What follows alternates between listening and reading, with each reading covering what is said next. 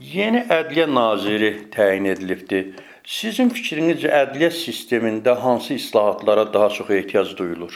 Öncə qeyd edim ki, ə, yəni istər bu gün media deməli vasitələrində yayılan məlumat, yəni Fərid Əhmədovun tərcümə halı onun sadə zəhmətdən özünün ə, çalışqanlığı, qabiliyyəti ilə uğur hekayəsini yaratmış bir insandır həm Milli Məclisdə çalışmaları, həm ə, rəqəmsal nazirlik, yəni qısaca adını desək, orada nazir müavini kimi çalışmalarında da mənim təmsil etdiyim mərkəzlə keçirilən bir sıra tədbirlərdə çıxış edib mərzəki olub, o cümlədən yəni hüquq sahəsində müxtəlif ə, layihələrin ə, deməli rəhbəri olub.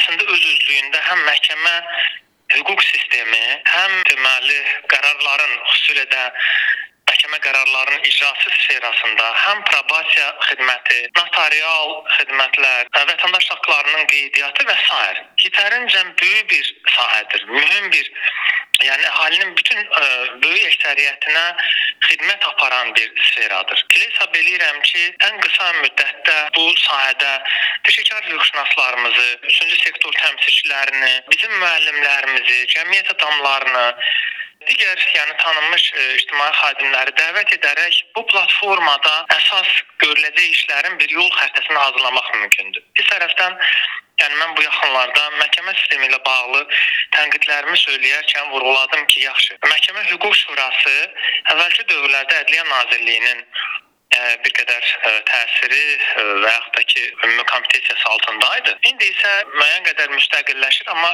Ali məhkəmənin sanki onun üzərində təsiri artmaqda davam eləyir. Amma ə, məhkəmə hüquq şurasına onun bütün məhkəmə sistemində aparatların formalaşdırılması, kargüzarlıq xərcləri, hansı ki bu çoxlarına çox texniki görünür. Halbuki yəni baxılan 100 minlərlə işin fonunda bütün bu xərclərin qarşılanması da çox önəmlidir və bu çox şəffaf da baş verməlidir. Vakansiyaların tutulması ona görə də burada bir daha söyləyirəm, yəni ictimai fikri öyrənmək o qədər də çətin deyil. Qərbdə təhsil də ona imkan veribdir ki, özü də bir daha söyləyirəm ki, sadə bir yəni valideynləri xalqın içərisindən çıxmış insan olmasına rəğmən imkanı var ki, çox yaxşı ə, təyin eləsin ki, bu gün cəza çəkmə müəssisələrində hansı addımlar atılmalıdır. O cümlədən hüquq sisteminin ə, dekriminallaşması, daha doğrusu cəza sisteminin dekriminallaşması və hüquq sisteminin liberallaşması adı altında cinayət qanunvericiliyinin 300-dən artıq dəyişikliklər olundu. Və onun nəticəsində probasiya sistemi yarandı.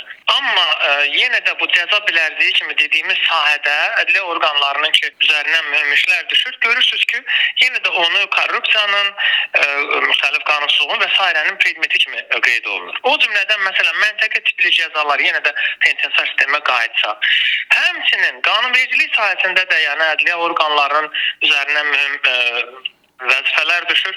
Elə zənn eləyirəm ki, çox böyük miqyasa malik olan əhəmiyyəti dövlətin hüquq sisteminin qanunsuzluğun inkişafında önəmli yer tutan Ədliyyə Nazirliyi, yəni ə, qurumu kimi burada ə, cəmiyyətin sağlam ə, təşəbbüslərini, ideyalarını bir araya gətirərək ə, elə o istiqamətdə də uğurlu çalışma imkanları var.